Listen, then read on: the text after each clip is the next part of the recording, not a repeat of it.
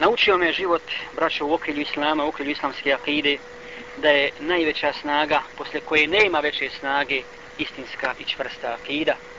Wallahi, posle toga nema snage. Skupina muslimana od 3000 ljudi poražava 200.000 mušrika. 200.000 mušrika. 3000 ljudi naprem 200.000 mušrika. Čime su ih pobjedili. I vjernici su govorili, tako nam Allaha, mi sa njima ne možemo suprostaviti osim našom akidom. Halid ibn Velid u toj bici lomi devet, devet sablji i jemenski mač. I kad su ugledali mušike, kad su ugledali toliki broj, jedan od muslimana rekao je Halid ibn Velidu, ja Halid, gdje je izlaz? Enjel mefar, je li izlaz u bježanju ili u primirju? Pa je zaplakao Halid ibn Velid. Kaže, tako mi Allaha, niti je izlaz u bježanju, niti je izlaz u primirju, nego je utočište kod Allaha Đelešanuhu i sukao je svoju sablju i donio tekbir, veličao Allaha Đalešanuhu i muslimani su porazili, porazili tu skupinu i pomogli je Allah Đalešanuhu zbog njihove akide, zbog njihove vjere. Salahudin Ejubi, braćo. Salahudin Ejubi, poznati islamski vojskovođa, koji je porazio kršćane i osvojio kuc, došlo mu jednog dana pismo od Mesjidul Aksa. Od Mesjidul Aksa dobio pismo. Neko je napisao pismo i naslovio ga na Mesjidul Aksa i u pismu stoji o vladaru o vladaru, zar ćeš dozvoliti, zar ćeš dozvoliti da kršćani i židovi, da sinovi majmuna i svinja obešćaste mene, da oni haraju u kucu, svi su mesčili na zemlji čisti osim mene, a ja sam obešćašćen. Pa kada je pročitao to pismo, Salahudine Jubi je odmah naredio da se vojska mobilizira. Naredio da se mobilizira vojska i kad je postrojio vojsku, zabranio da se iko našali u toj vojsci, da se iko nasmije. Ne smije se iko nasmijeti. I krenula je ta vojska u ime Allaha Đalešanahu s bismillom i s tekbirom i osvojio je Salahuddin Jubi. Salahuddin Jubi je osvojio kuc i očistio ga od pašćadi, očistio ga od širka, očistio ga od mušrika. I posle Salahuddin Jubije ponovo su pašćad uzela kuc. I pogledajte, zar taj kuc danas ne, ne doziva isto tako muslimane? Zar ne doziva Salahudine i Omere gdje je Omer našega doba i gdje je Salahudin našega vakta i gdje je uho da čuje i gdje je srce da se odazove tom pozivu kuca, ništa nego židovi. Židovi su ispjevali pjesmu i rekli su Muhammed je umro, naslijedile su ga žene. Naslijedile su ga žene i rade u kucu što niko živ ne radi, što musliman ne može zamisliti.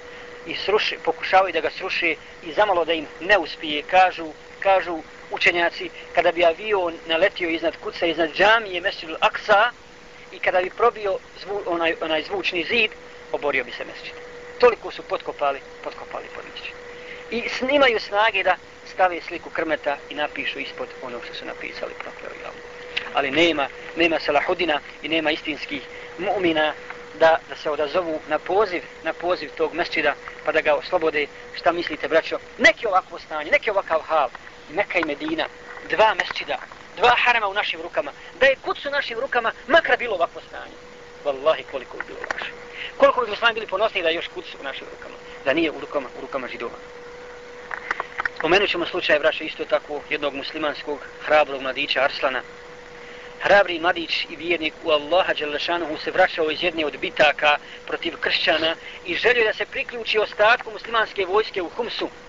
Pa je to čuo Rumanis, kršćanski imperator, čuo je da se on vraća sa 15, samo sa 15.000 vojnika iz bitke, umorni, e, slomljeni, iscrpljeni, i on naređuje mobilizaciju kršćana, mobilizaciju da napadnu ovog mladića, ovog hrabrog islamskog vojskovođu, i mobilizira 600.000 vojnika.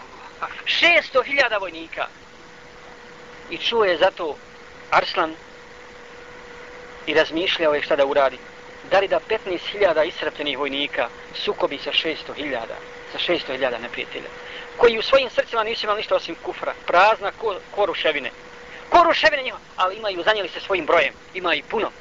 On zna da svaki musliman se mora boriti sa 400 mušika. Na svakog muslimana 400, 400 kršćana. Pa je ušao, razmišljao i posle toga je ušao u svoj šator. Ušao je u svoj šator, uputio Allahu dovu, obukao je prvo čefine, pa onda odjeću, pa onda vojničku odjeću. Izišao je pred muslimanski saf i rekao, o muslimani, zaista je islam u opasnosti. I zaista je la ilaha illallah u opasnosti.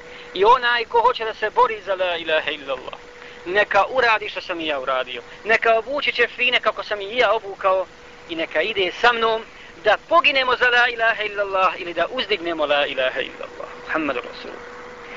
Pa je vojska učinila 15.000 muslimana je učinilo isto što je učinio njihov vojskovođa Arslan. I sukobili su se sa mušicima, sukobili su se sa kršćanima, sa 600.000 njih. I ubijen je njihov vojskovođa Rumanis. I poraženi su kršćani, rastoreni, desetkovani. I preselilo je dosta muslimana. Poginulo je dosta muslimana u, u toj bici a Arslan nije preselio i mnogi muslimani koji su ostali živi plakali su što nisu završili kod njihova braća. I on je kasnije plakao na postelji kao što je plakao Halid ibn Velid što nije preselio, što nije preselio kao šejik. Dakle, to je snaga hide, zato muslimani, zato braćo treba da se okitimo istinskom akidom i vallahi onda nema nema onda prepreke na dunjaluku koju ne može savladati mu'min. Nema prepreke.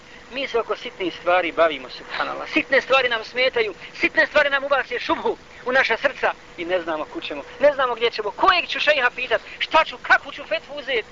Allah objavio istinu, kaže Rasul sallallahu alaihi ve sellem, ostavljam vas na bijelu i stazi čije su noći jednako bijele kao i dan. Noći jednako bijele kao i dan i neće ostati osim onaj koji je stradao, koji je, koji je potpuno propao.